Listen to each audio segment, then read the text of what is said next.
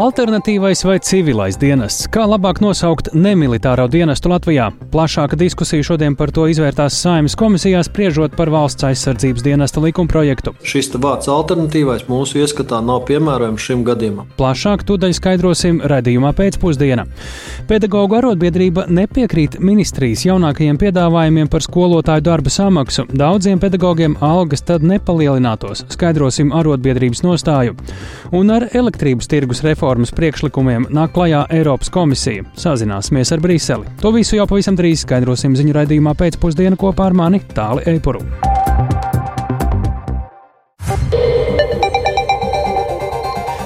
Sešpadsmit un piecas minūtes skan pēcpusdienas ziņu programma, skaidrojot šodien svarīgus notikumus. Studijā Tālis Eipurs.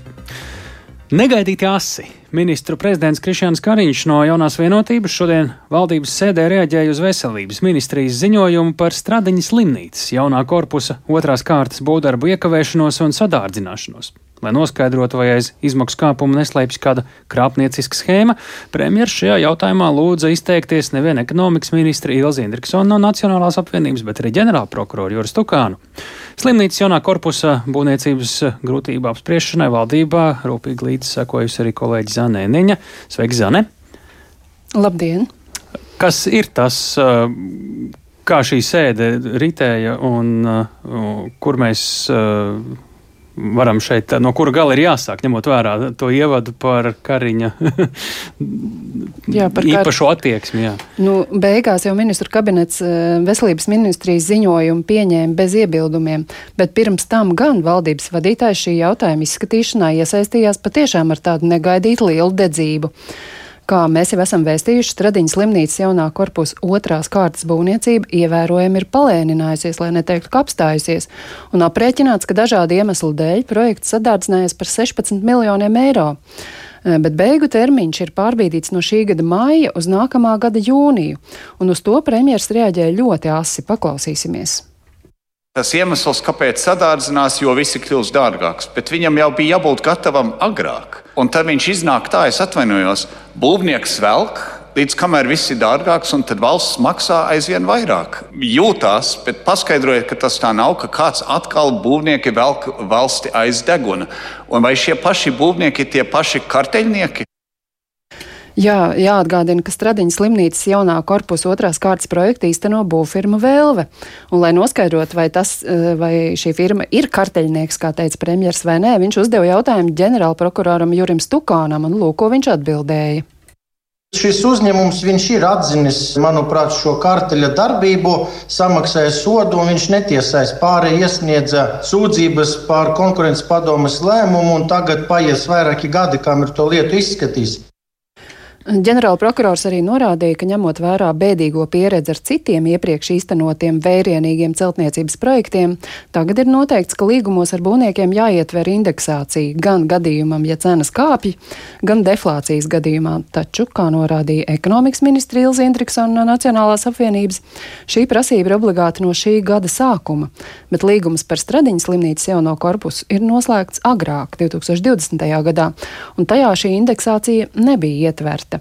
Tāpēc arī sākušās garās diskusijas, taču, kā aizrādīja ministri, termiņa pagarinājums līdz nākamā gada jūnijam ir garāks nekā darbu aizkavēšanās sarunu, sarunu dēļ. Ministri arī izskaidroja, kur plānots atrast līdzekļus sadārdzinājumu sekšanai. Prognozētās inflācijas apmērā 3% tā, tā kā ir uzņēmēja puses riskos un viņi to uzņemās, bet tā pārējā daļa, protams, ir valsts pusē. Šobrīd tā nav valsts tiešā veidā budžeta nauda, bet tā ir nākamā perioda Eiropas struktūra fondu nauda, ko Veselības ministrija radusi kā risinājumu, lai šo būvprojektu pabeigtu. Jā, tā tad eh, paredzēts, ka trūkstošos 16 miljonus izmantos it kā avansā no attiecīgā Eiropas Savienības struktūra fonda naudas, kas paredzēta šī paša būvprojekta nākamo kārtu īstenošanai. Un tā kā šī nauda nav tik vienkārši paņemama, bija nepieciešams valdības atbalsts, lai varētu iedarbināt speciālu procedūru. Un eh, beig beigās ministru kabinets šo veselības ministriju ziņojumu arī apstiprināja. Nu, tā vai tā, nauda šajā gadījumā ir ļoti liela. Mēs arī it kā nojaušam, kāpēc viss pēdējā laikā ir sadārdzinājies, eh, bet ņemot vērā visu, ir tomēr jāsaprot, nu, kā vesel, vai vismaz jādzird, kā veselības ministri tad eh, skaidroja to slimnīcas jaunās ēkas vai korpusa būvniecības sadārdzinājumu. Nu, tā kā veselības ministra Līga Mendelsona ir komandējumā Briselē, viņas vietā šo ziņojumu prezentēja zemkopības ministrs Digis Šmits no apvienotā saraksta.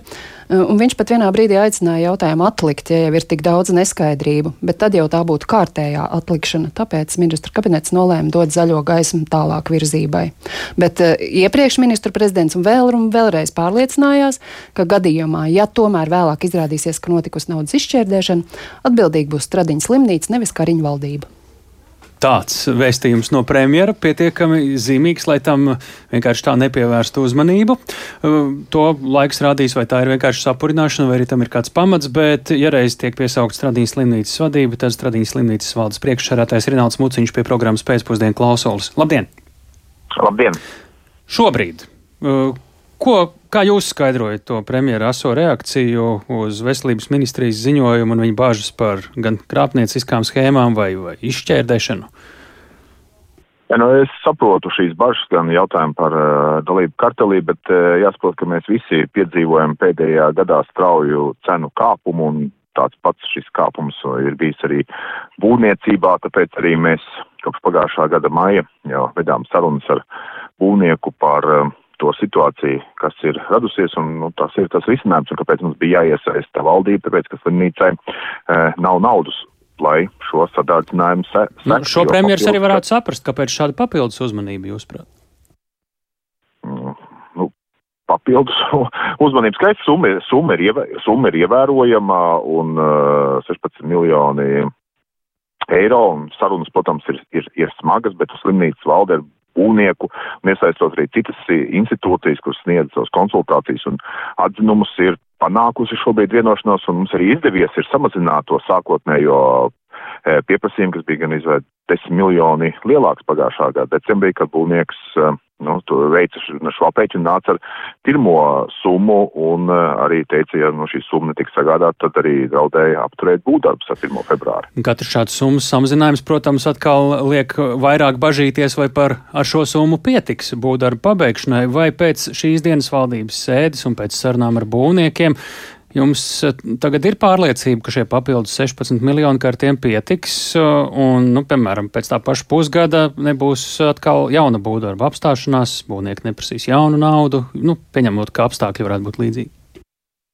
Nu, ja, ja šobrīd nenotiks nekas ārkārtējs un uh, visi tie procesi, kas šobrīd notiek, gan cenu stabilizēšanās, gan inflācijas samazināšanās, arī turpināsies, kā, kā mēs šobrīd to redzam, jo mēs jau izējām no tās situācijas, ko mēs redzam šobrīd, tad uh, šādai situācijai nevajadzētu notikt, un mēs uh, līdz nākamā gada 1. martam šo būvi esam gatavi uh, nodot eksploatācijā un tad uzsākt viņas aprīkošanu. Kā tur sanāk, kāpēc tas būvdarba pagarinājums ir eh, tieši tik garš kā tagad, jo darbi ir iekavējušies, eh, kā mēs eh, šodien dzirdējām, apmēram par pusgadu, bet pagarinājums ir gandrīz gads. Tas nozīmē, ka rēķinaties, ka tur var ilgt tas viss, vai kā? Jā, nu, būvnieks skaidro nu, šie jautājumi, ko arī slimnīca, kam ir uzdevusi būvniekam, un būvnieks to skaidro ar piegāžu problēmām, jo faktiski metāli Eh, kas pazuda būvmateriāli, kas pazuda no austrumu eh, puses dēļ Krievijas agresīvā eh, kara Ukrainā, bija jāpārslēdz uz citiem piegādātājiem. Otrs arī, arī apakšuzņēmēji cēla savas cenas un, attiecīgi, nevienmēr arī būvs, būvuzņēmums, arī Velve šajā gadījumā nevarēja, nevarēja vienoties par darbu turpināšanu un atsevišķos gadījumos šī apakšuzņēmēji ir jāmaina. Tā kā tā ir notikumu virkne, ko pamatā izraisīja Krievijas iebrukums Ukrainā, jo pandēmijas laika, jo līgumu mēs noslēdzām faktiski tikko sākoties pandēmija, un šie te pandēmijas laika izaicinājumi jau no attiecībā cilvēks būvnieks nu, jā. bija ieplānojis un zinājumi, un šajā laikā neradās nekādas uh, problēmas, būvniecība turpinājās, bet no Krievijas karš nebija ieplānots un tas radīs attiecinājumus. Labi, ko jūs tagad valdībai, pacientiem, mediķiem pats sev sakāt, kad slimnīca vairs durvis, šis, kor, šis korpus? Šobrīd ir plāns, ka viņš pilnībā tiks aprīkots un līdz nākamā gada 1. oktobrim arī varēs uzņemt pacients un attiecīgi mūsu gan personāls, gan pacienti varēs būt gandrīti par jaunām, mūsdienīgām, modernām telpām. Tā skaitā tur būs arī neatliekamās medicīnas centrs, mūsu slimnīcas faktiski sirds. Tā Rinalds Mūciņš, paldies! Stradiņa slimnīcas valdes priekšsārātājs bija mūsu sarunbiedrs redzīmā pēcpusdiena. Par otru no šīs valdības pēc budžeta pieņemšanas pasludinātajām prioritātēm par izglītību turpinām. Latvijas izglītības un zinātnes darbinieku arotbiedrība nepiekrīt izglītības ministrijas plānotajām izmaiņām pedagoģu darba samaksā. Daudziem pedagogiem tas tā arī atalgojumu nepalielinātu. Pie mūsu klausulas arotbiedrības vadītāja Inga Vanaga. Labdien! Sveicināti! Nu, pamēģinam īsi visu salikt eh, kopā, lai rodas klausītājiem kopsakarību sajūta. Kas šis ir par izglītības un zinātnes ministrijas plānu, kāpēc tas tapis un ko tas paredz īsumā? Nu, būtībā ministrijas plāns mums nav pilnībā zināms, jo mūsu rīcībā nav neviena dokumenta projekta un aprēķina, lai mēs varētu pārliecināties, ka pedagoģu darba samaksas paaugstināšanas grafikā iekļaut ir pilnīgi visi pedagoģi. Tāda ir līdz prasība, to nosaka likums. Mēs nevaram gūt pārliecību par to, kad ir aprēķini korekti, ja, Un uh, tas, kas uh, mūs neapmierina pēc uh, nu, šodienas. Kam jūs nepiekrītat, ja jums nav šo pagājuši... dokumentu, kā jūs varat kaut kam nepiekrist? Nu, Mēs atsaucoties uz uh, politiķu publiski pausto viedokli, Labi. jo šobrīd šī komunikācija jau ir šādā fāzē, un uh, nu, streika vienošanās nebija par to, ka lai lielai daļai pedagoģa algas iesaldētu, ja, nu, streika vienošanās daļa ir izpildīta, daļa ir pārkāpta jau, ja, un Un mēs arī nevaram piekrist tam uzstādījumam, ka netiek pārskatīts šīs skolēnu vidējās izmaksas.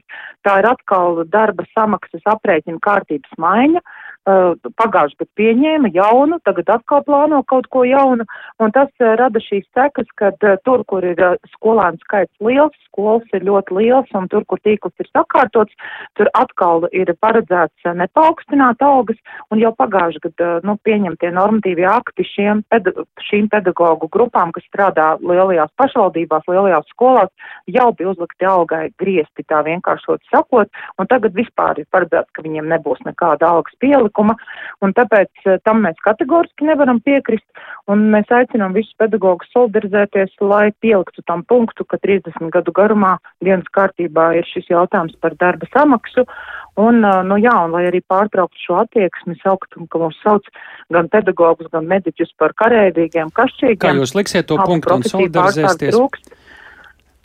Tātad mēs no rītdienas, ņemot vērā, ka valdība neizpildīja šo streika vienošanos, mēs vēl iedavām papildus termiņu, ja mēnesi. No rītdienas mēs trīs nedēļu laikā apzinām streikotāju skaitu, precizējam gājienu dalībnieku skaitu un būs šīs protesta akcijas un ar mērķi tiešām pārtraukt to, ka dienas kārtībā ir šis, nu, šis, šie jautājumi par darba samaksu. Tas jau ir 30 gadu garumā aptuveni, ja, un, un, nu, un tāpēc mēs aicinām visus solidarizēties, jo tikai kopā mēs varam panākt, ja šo streika vienošanās izpildi, pieprasīt atbildību no politiķiem un pārtraukt arī sava veida šo politisko vardarbību un tiesisko nihilismu. Tas ir jāpārtrauc un likumi ir jāpilda attiecībā pret visiem, tāpat kā pedagogi to veic savā ikdienā. Tā, tas, kas bija iepriekš sacīts līdz rītdienai ministrijai, pedagogiem, pedagogi bija pieprasījuši skaidru modeli atalgojumu kāpumam, arī finansējumu avotus tai skaitā, tad faktiski līdz rītdienai vairs negaidāt, šobrīd ir skaidrs, ka streiks būs? Um, Ministri publiski teica, ka šodien tiks valdībā pieņemts šis darba samaksas paaugstināšanas grafiks. Tas netika izdarīts, rītdien nav plānota valdības sēde, līdz ar to arī tad mums ir jārīkojās saskaņā ar Līdzgas padomu lemto, ko, par ko jau mēs lēmām 15. februārī. Tā kā te nekas cits šobrīd neatliek, kā mums ievērot streika likumu, pieturēties pie savām prasībām, daļa ir izpildītas Un, nu, un tad tālāk jau ir, tālāk jau politiķiem. Jā, viņi saka, ka divas nedēļas viņiem vēl ir nepieciešams, bet redzat, mēs nevaram paļauties uz mutisku atkal informāciju, un uh, mēs varam paļauties, un tad nevienmēr, tad, kad arī jau ir valdība nobalsojusi. Jā. Jā, jo redzam, ka pieci normatīvi akti netiek pildīti joprojām. Tad divos vārdos vēlreiz precizējot, mēs jau šodien varam teikt, ka pedagogi simtprocentīgi streikos, vai formāli mums līdz rītdienai jāpagaida, lai to varētu teikt. Formāli jāpagaida līdz rītdienai, jo arī streiks sarunās bija valdības ārkārtas sēde, bet ņemot vērā, ka nav nekādu dokumentu, nav saskaņošanas procedūra ne ar vienu no nozares organizācijām, kā paredz atkal normatīvi akti, tad no rītdienas mēs trīs nedēļu laikā precizējam datus un iesniedzam visus dokumentus un gatavojamies protesta akcijām. Paldies par sarunu Inga Vānaga, Latvijas izglītības un zinātnes darbinieku arotbiedrības vadītāji. Izglītības eh, jomai kopā ar visu šo atalgojumu stāstu priekšā eh, būtiska reforma skolu tīkla optimizācija, jeb sakārtošana. To gan šobrīd ir apstādinājuši valdības koalīcijā esošā apvienotā saraksta politiķi. Viņi iebilst pret skolu kritēriju pārskatīšanu, piemēram, par minimālo bērnu skaitu klasē. Arī Latvijas pašvaldību savienība ir pret ministrijas piedāvātajām prasībām. Par to, vai izglītības un zinātnes ministrija ir uzklausījusi pašvaldības un politiķus, un kad gaidāma kāda vienošanās, un vai gaidām plašāk Agnijas Lāsdiņas ierakstā. Skolu tīklu optimizācijai Izglītības un zinātnes ministrija sākotnēji piedāvāja vairākus kritērijus, piemēram, sākuma skolai vajadzētu atrasties ne mazāk kā 20 līdz 25 km no citas skolas. Tajās nevarētu būt apvienotās klases, un klasēs vajadzētu būt vismaz 10 bērniem. Arī pamatskolas klases ministrija piedāvāja koncentrēt tuvāk administratīvajiem centriem, vai arī pievienot tuvākajai vidusskolai ārpus administratīvā centra. Līdzīgs piedāvājums bija arī vidusskolas klasē pusēm. Taču piedāvātos kritērijus neatbalstīja ne Latvijas pašvaldību savienība, ne politiķi no apvienotā saraksta. Kā stāsta izglītības un zinātnes ministrijas pārstāve Edīta Kanaviņa, šobrīd ar Latvijas pašvaldības savienību un vides aizsardzības un reģionālās attīstības ministriju notiek sadarbība darba grupās, un pašlaik ir noteikti jauni principi, kas ir jāņem vērā, lai veidotu konkrētus kritērijus skolu tīklu optimizācijai. Šobrīd esam vienojušies, ka ir jāvērš uzmanība tam, kāds ir klašu posma piepildījums izglītības iestādē. Esam vienojušies par to, ka ir iespējams nosakāmi kritēriji attālumam starp izglītības iestādēm un izglītojumam ceļā pavadītajam laikam. Tāpat jāvērš uzmanība ir uz materiālu tehnisko nodrošinājumu izglītības iestādē un uz pedagoģu pieejamību. Pašvaldību savienība, balstoties uz valsts izglītības informācijas sistēmas datiem, veica detalizētu analīzi par skolu tīklu, arī katras skolas analīzi pa skolēnu skaitu, klašu grupām un pedagogiem, lai saprastu, kāda būs ietekme, ja pieņems lēmumu par vienas vai otras skolas pakāpes maiņu vai arī slēgšanu. Pašvaldību savienības padomniece izglītības un kultūras jautājumos Ināra Dundure atzīst, ka sākotnēji ministrijas piedāvātie kritēriji nav īstenojami. Viņas ieskatā skolu tīkla plānošanai jābūt līdzsvarotam procesam un ka ir nepieciešama skaidra un vienota izpratne par to, kas ir kvalitatīva izglītība skolā, veicot esošās situācijas analīzi. Viņas nevar šobrīd realizēt un īstenot. Ir jāvienojas par saprātīgām prasībām, saprātīgiem kritērijiem, un tad ir jāpieņem lēmums. Šobrīd ir vienkārši piedodiet pie Excel veida cik varētu ietaupīt. Pēc apvienotā saraksta iebildēm skolu tīkla reforma pagaidām gan ir apstādināta. Politiķu ieskatā plānotie grozījumi izglītības likumā būtu apdraudējuši mazo lauku skolu turpmāku pastāvēšanu. Tiesa, apvienotais saraksts nav pilnībā pret skolu tīkla optimizāciju. Vien uzsver, ka kritēriji ir pienācīgi jāizrunā, un viņuprāt, skolu tīkla optimizācija jāsāk ar izglītības iestādēm, kurās ir apvienotās klases, taču galavārds jāsaka pašiem reģioniem. Turpina saimas izglītības izglītības komisijas pārstāvis Česlavs Batņa no apvienotā saraksta. Mēs esam pret Excel tabulu visiem vienādi, jo, manuprāt, lai arī šo skolu tīklu regionālā līmenī sakārtotu, mums tomēr jāapzinās tas, ka tas atstās zināmu iespēju arī regionāla ekonomiskā attīstībā. Pašvaldību savienība ir izstrādājusi tādu interaktīvo karti, kas publiski jau šobrīd ir pieejama, un mēs to redzam, ja mēs ejam to pirmo piedāvājumu, ko izglītības ministrija demonstrēja, kad minimālais skaits varētu būt 180 bērni Latvijā no pamatskolas skolu grupas pazūd aptuveni divas trešdaļas skolu. Nākamajā nedēļā pašvaldību savienībai ar Izglītības un zinātnes ministriju ir paredzēta jau trešā darba grupas sēde, kurā tālāk turpinās darbu pie kritēriju izstrādes. Tāpat arī ministrija veido individuālas sarunas ar katru pašvaldību, lai nonāktu pie viena redzējuma un rastu kompromisu par to, kādi kritēriji skolu tīkla optimizācijai ir jāizveido. Agnija Lazdiņa, Latvijas radio. Tagad paskatīsimies uz kādu konkrētu stāstu, lai saprastu, kā kopējais process ietekmē realitāti kādā konkrētā vietā. Smiltenes novada pašvaldības publiskajai apspriešanai ir nodevusi novada izglītības attīstības stratēģijas projektu tuvākajiem pieciem gadiem. Tajā apšaubīta piecu mazo skolu pastāvēšana novadā. Uz variņiem kuru iedzīvotāji šobrīd aktīvi protestē pret iespējamību no nākamā gada vest bērnus mācīties uz netālo palsmani, situāciju skaidro devās Ieva Puķe. Variņu pamatskolas modernajā sporta hallē, ko uzcēla pirms 15 gadiem, bērni pēc stundām spēlē badmintonu un volejbolu. Jautāju zēniem, kas pirmie gadās ceļā, ko viņi domā par iespēju braukt mācīties uz citu vietu. Nebūtu forši. Nebūtu forši. Kāpēc? Būtu agri jāceļās, nu, lai varētu aizbraukt uz skolu no paša rīta. Un tad tur vēl būtu sveši bērni, kuriem būs, varētu būt grūti sadraudzēties. Cik tev klasē ir skolēni? Astoņi. Man patīk šeit mācīties, jo šeit es visus pazīstu. Un, uh, man nav bailes šeit būt, jo es esmu šeit jau mācījies. Te ir vislabākā vieta, kur mācīties, tāpēc, ka te ir liela sporta hale un ir arī stundas foršas. Cik tev klasē skolēni? Trīs tikai tāpēc, ka šī tā kā nav tik populāra skola, tad man šeit patīk mācīties. Labāk nejā tajās skolās, kurās ir tūkstošiem bērnu arvien dilstošais skolēnu skaits.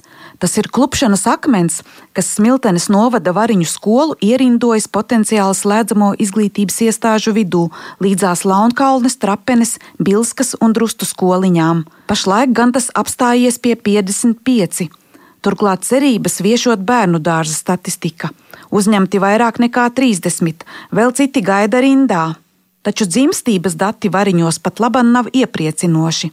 Labākais rādītājs ir astoņi bērni. 2019. gadā pagājušo gadu pasaulē nākuši tikai četri. Kā risinājumu novada izglītības attīstības stratēģijas projektā ieteikts uz variņu skolu pārcelt pirmskolu, kas šobrīd izmitināta dzīvojamajā mājā. Tā dalīšot telpas nevis ar skolas līdzinējiem saimniekiem, bet gan ar Smiltenes novada speciālo pamatskolu kura atstās ekonomiski neizdevīgo bijušo mūžas pili Palsmanē. Savukārt variņu jauno paudzi ikdienas vizinās mācīties nepilnus 9 km uz Palsmanes pamatskolu, kur skolēnu ir vairāk.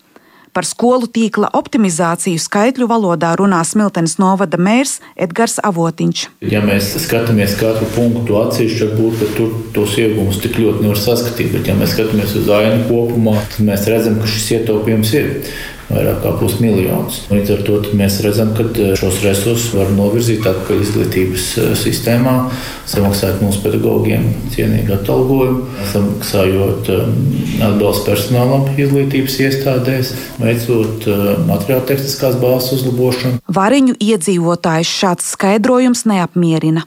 Kamēr bērni sporta zālē sit bumbu, vienā no klasēm sanākuši viņu vecāki un arī daļa no 17 pedagogiem, lai apspriestu, kā apelēt pie novada domnieku goda prāta.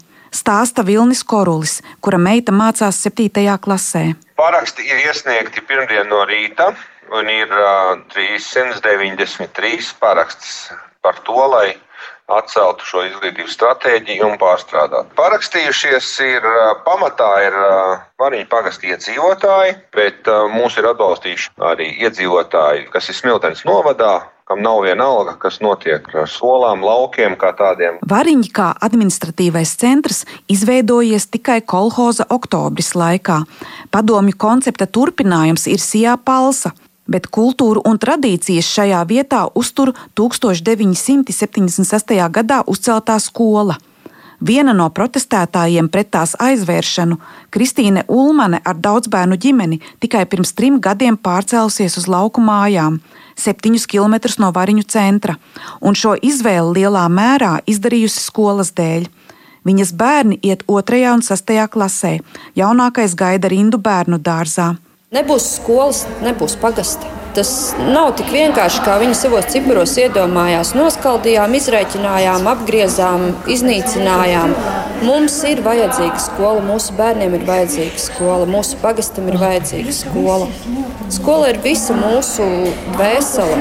Jā, es esmu ienācēja liela daudzbērnu ģimene, kas izvēlējās tieši mazo lauku skolu, kur mans bērns būs drošībā. Man nebūs jāuztraucās pilsētā, kad viņš man tur pēc stundām klaiņo. Smiltenes novada pašvaldība gan skaidro, ka tas ir tikai optimizācijas projekts, ko citos Latvijas reģionos nemaz tik publiski neiztirzā. Vienprātības par stratēģiju nav arī pašu domnieku vidū, bet balsojums par to paredzēts jau 28. martā. Ieva Puķa, Latvijas radio. Sabiedriskā apspriešana līdz 26. martam. Bet Itālijas valdība vaino Krieviju šogad fiksētajā migrantu skaita pieaugumā, savukārt ar elektrības tirgus reformas priekšlikumiem nāk klajā Eiropas komisija. Sazināsimies ar Briseli. Šie stāsti un arī citi redzījumā pēcpusdienu pēc brīža.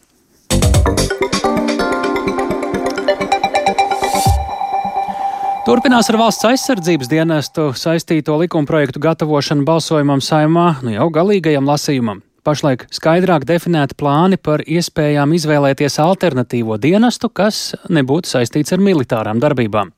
Kur to varēs veikt, un vai to varēs izvēlēties ik viens dienestam pakļautais, vairāk Jāņa Kīņša sagatavotajā ierakstā. Lai atjaunotu obligāto kara klausību, saimai valsts aizsardzības dienesta likums vēl jāpieņem galīgajā lasījumā. Ar to saistītajiem likumprojektiem sagatavoti teju simts priešlikumu. Dienestā pirmais iesaukums plānots jūlijā, un tas būs brīvprātīgs. Dienestam būs pakļauti vīrieši pēc 18 gadu vecuma sasniegšanas, bet ne vēlāk kā līdz 24 gadu vecumam, ja vien viņi nestudē augstākās izglītības iestādē.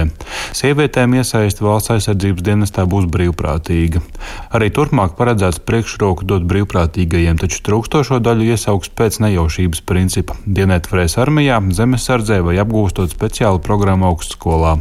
Plānots ieviest arī alternatīvo dienestu. Komisijas sēdē izvērtās garāka diskusija, vai to var dēvēt par civilo dienestu vai alternatīvo dienestu.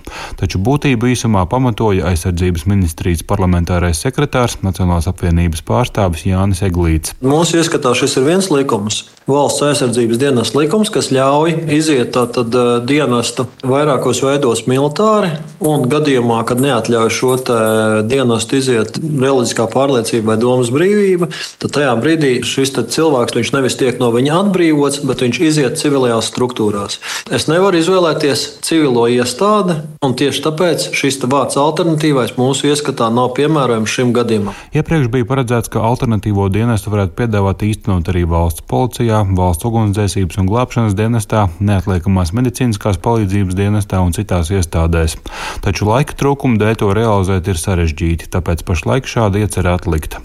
Tāpēc pat labam likumos paredzēts nostiprināt, ka alternatīvo dienestu piedāvās izpildīt tikai aizsardzības ministrijas resoru iestādēs.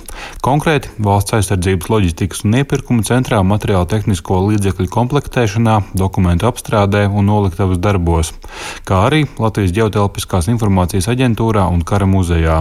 Savukārt ap 50 jauniešu varētu nodarbināt Nacionālo bruņoto spēku bāzu infrastruktūras uzturēšanā. Pašlaik nav skaidrs vīzijas, kā šos pienākumus varētu attiecināt uz ārvalstīs dzīvojošiem Latvijas pilsoņiem, uz kuriem valsts aizsardzības dienesta saistības iecerēts attiecināt no 2028. gada.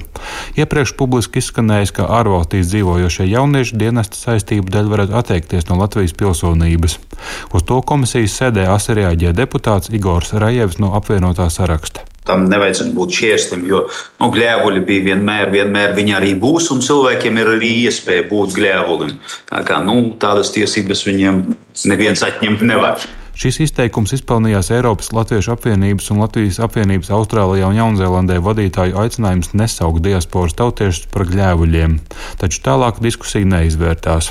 Komisija sēdes turpinājumā likumā atbalstīja dažādus juridiska rakstura precizējumus par atbildības sadalījumu un valsts aizsardzības dienesta saistību pāraudzību.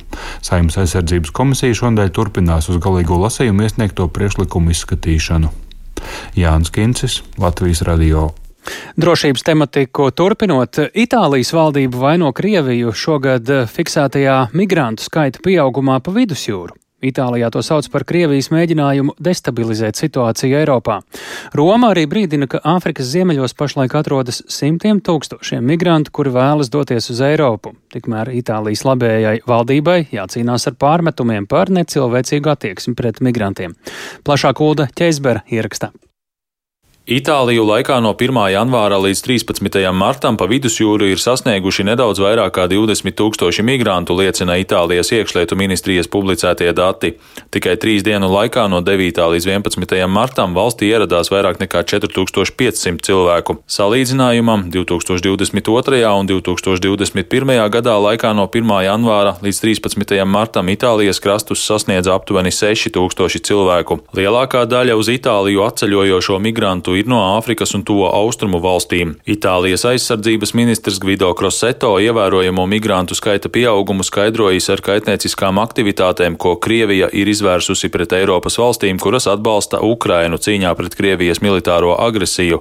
Kroseto apgalvo, ka migrācijas plūsmas palielināšanai uz Eiropu Krievija izmanto privāto algotņu grupējumu Wagner, kas pēdējos gados ir izvērsis savas aktivitātes tādās Āfrikas valstīs kā Lībija, Centrālā Āfrikas Republika un Mali. Arī Itālijas ārlietu ministrs Antonio Tajani ir apgalvojis, ka liela daļa migrantu ir ieradušies no reģioniem, kurus kontrolē Wagner kaujinieki.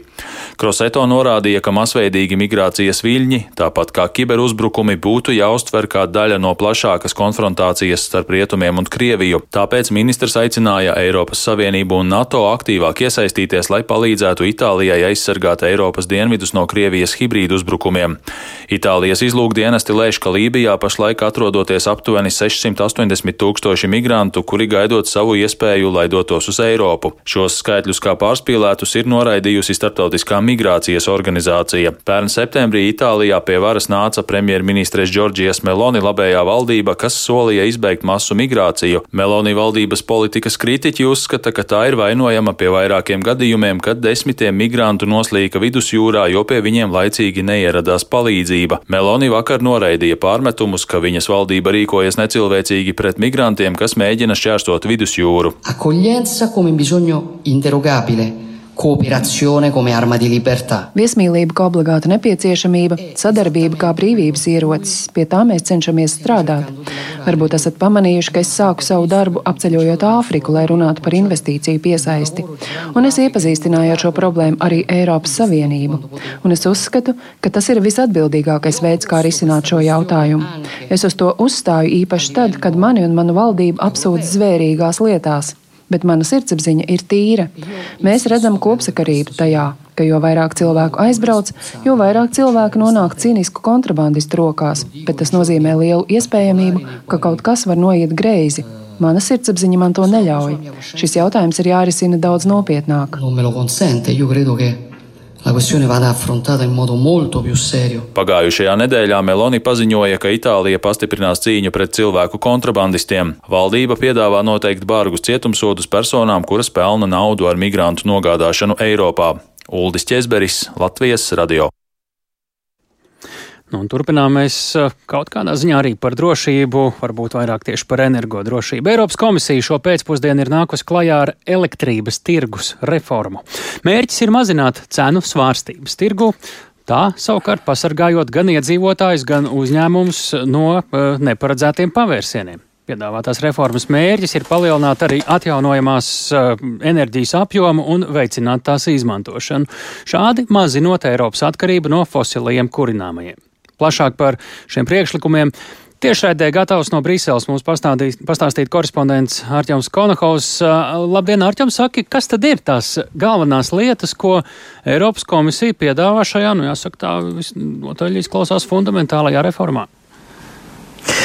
Jā, labdien! Tik tiešām reforma ir pamatīga, un tā ir kādu laiku visi gaidījuši, kas seko šim jautājumam, un atšķirībā no tiem iepriekšējiem priekšlikumiem, kas ir pieņemti tādā ātrākā režīmā, lai varētu risināt tieši īstermiņa problēmas un īstermiņa situāciju, šī reforma tiks izstrādāta jau pamatīgāk un tiks arī turpmāk apspriesta pamatīgāk, jo tā jau runā par ilgtermiņa risinājumiem, par to, kā varētu mainīt esošo tirgus uzbūvi un kā padarīt to, lai tirgus nav tik ļoti atkarīgs no tā, kādas ir tās cenu svārstības, kā teiksim, gāze ietekmē tirgus eh, cenu un elektrības cenu un no šādām te jau tādām pamatīgākām problēmām. Un viens no svarīgākajiem elementiem ir pāriet no īstermiņa līgumiem uz vidējā vai ilgākā termiņa līgumiem. Tas arī nodrošinātu stabilitāti un paredzamību un veicinātu arī atjaunojamās enerģijas izmantošanu. Tāda ir reformas eh, iecere. Tāpat tiek paredzēts, ka iedzīvotājiem un uzņēmumiem varētu būt tiesības uz vairākiem līgumiem un arī tādiem vienkārši, vienkāršāk izsakoties vairākiem skaitītājiem. Pieņemsim, ar vienu varētu lietot, lai nosaktu daļu no patēriņa, bet otru varētu izmantot kaut kādiem tādiem ietilpīgākiem un jaudīgākām, jaudīgākām vajadzībām. Un, lūk, paklausīsimies, kā to šo ieceri raksturoja Eiropas Savienības enerģētikas komisāra Kadrija Simpsone.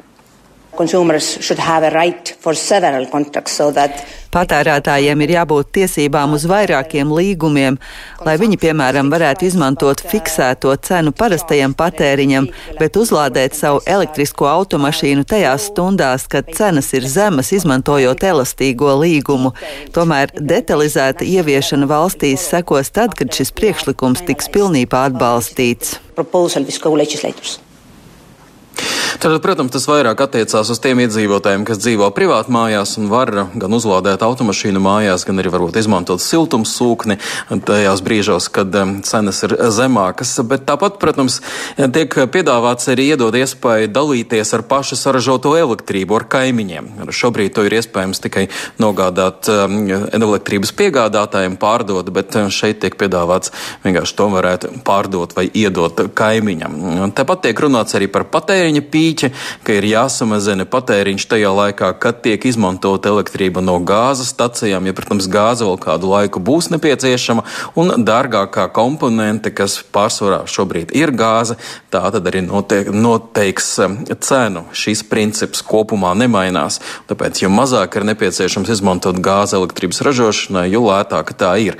Un, uh, tāpat, protams, arī vēl viens no priekšlikumiem ir uzlabot gāzes uzglabāšanu, jo tas arī veicina stabilitāti. Tāli. Jā, Arčom, nu mēs, protams, visi šeit esam šobrīd, eh, diemžēl, ļoti pieredzējuši, kas notiek ar eh, dažādām eh, nepatīkamām svārstībām, tirgu ar cenu lēcieniem, vai šī reforma līdz ar to varētu arī pasargāt no tādiem, pat ja notiek kādas atricinājumi apkārt, nu, to pašu pagājušā gada rudeni un, un tā tālāk, lai varētu turpmāk kaut ko līdzīgu novērst. Ir skaidrs, ka viena maģiska risinājuma nav. Tomēr komisāra Simpsona ir pārliecināta, ka pirmos ieguvumus patērētāji varētu sajust jau nākamgad, bet viss būs atkarīgs no tā, cik ātri Eiropas parlaments un dalību valstis šo reformu apstiprinās un ieviesīs dzīvē. Un tieši ieviešana praksē būs ļoti nozīmīgs elements, un tajā būs daudz kas atkarīgs arī no konkrētās valsts rīcības, pieņemsim, vai um, vai ir digitalizēts pietiekami viss process, vai iedzīvotājiem ir pieejami šie tā dēvētie gudrie skaitītāji, vai viņi cik ātri tos varēs ieviest, ja tāda nav pieejama un tam līdzīgi. Un, protams, kritiķi saka, ka nav iekļauta gāzes atsaistīšana no elektrības cenas veidošanas formulas. Atcerēsimies, ka par šo bija pietiekami plašas diskusijas, ka gāze šobrīd pārlieku ietekmē kopējo elektrības veidošanās formulu un ka iedzīvotāji iedzīvotāji tamdēļ nevar izmantot priekšrocības, ko sniedz um, atjaunojumiem energoresursi, kura cena ir stabila un kura cena tik ļoti nesvārstās dažādu jā, apstākļu dēļ, tostarp arī uh, tajā, kas, uh, ko, ko ietekmē karš, um, Krievijas uzsāktais karš Ukrainā. Um, te tā vietā tiek uzsvers likts uz atjaunojumiem resursiem, to veicināšanu un dažādu veidu līgumiem, bet nu, vai ar to būs pietiekami un vai tās valstis, kas ir gribējušas skaidrāk atsaistīt gāzi no elektrības veidošanas, likumdošanas formulas, vai tās būs apmierinātas. Nu, te es sagaidītu, ka vēl būs priekšā diskusijas. Un um, vēl, ja runājam par reakcijām, tad uh, zaļie Eiropas parlamentā no vienas puses slavē šo priekšlikumu, jo tas paredz aizliegt atslēgt elektrību vismazāk aizsargātajiem iedzīvotājiem. Tad tas to nedrīkstēs darīt, bet kritizē sakot, ka zaļo enerģiju tiek piedāvāts pielīdzināt atomenerģijai, kas viņuprāt ir pagātnes tehnoloģija, un tos, tas pēc zaļo domām nav pareizi. Tā kā dažādi dažādi viedokļi. Tas ir tādas pirmās reakcijas, mm -hmm. un skatīsimies, kā tas attīstīsies. Jā, vēl mums kāda pusminūte, nedaudz vairāk laika. Ja klausītāji tagad klausās šo, tad tu sacīji, ka pietiekami ātri jau pēc, ja to apstiprina, varētu sākt ieviest to praksē. Protams, no pašām dalību valstīm atkarīgs, cik tās ir gatavas. Tad visu šo, ko stāstīja, nu, apmēram, kad tad iedzīvotāji varētu iespējams sajust. Šo jautājumu uzdeva vairāk kārt enerģētikas komisārai Simpsonai. Skaidru atbildi viņa nevarēja sniegt. Viņa teica, ka daļu no elementiem varētu sajust jau nākamgad, bet viss būs atkarīgs no tā, kādas būs diskusijas. Bet nu, visticamāk, ka nākamgad, aiznākamgad mēs varam runāt par tādām fundamentālākām pārmaiņām. Bet nu, cerams, ka jau esošie mehānismi un tas, kas ir pieņemts jau iepriekš, tas varētu beidzot sākt pilnvērtīgi darboties, un to mēs varētu sajust jau no, nu, iepriekšējo lēmumu lēmumu ietekme un sekas mēs varētu pozitīvi mhm. sajust uh, šā gada otrajā pusē vai nākamgad. Paldies Ārķimam Konahovam, Latvijas radio korespondentam Briselē. Latvijas radio raidījums pēcpusdienā saka paldies, ka klausījāties to šodien. To veidoja Tāls Eipurs, Ilza Agīnta, Mārtiņš Paeglis, Renārs Šteimanis. Klausieties šo raidījumu arī Latvijas radio mobilajā lietotnē, dalieties ar to arī ar citiem. Mēs tiekamies rīt visu labu!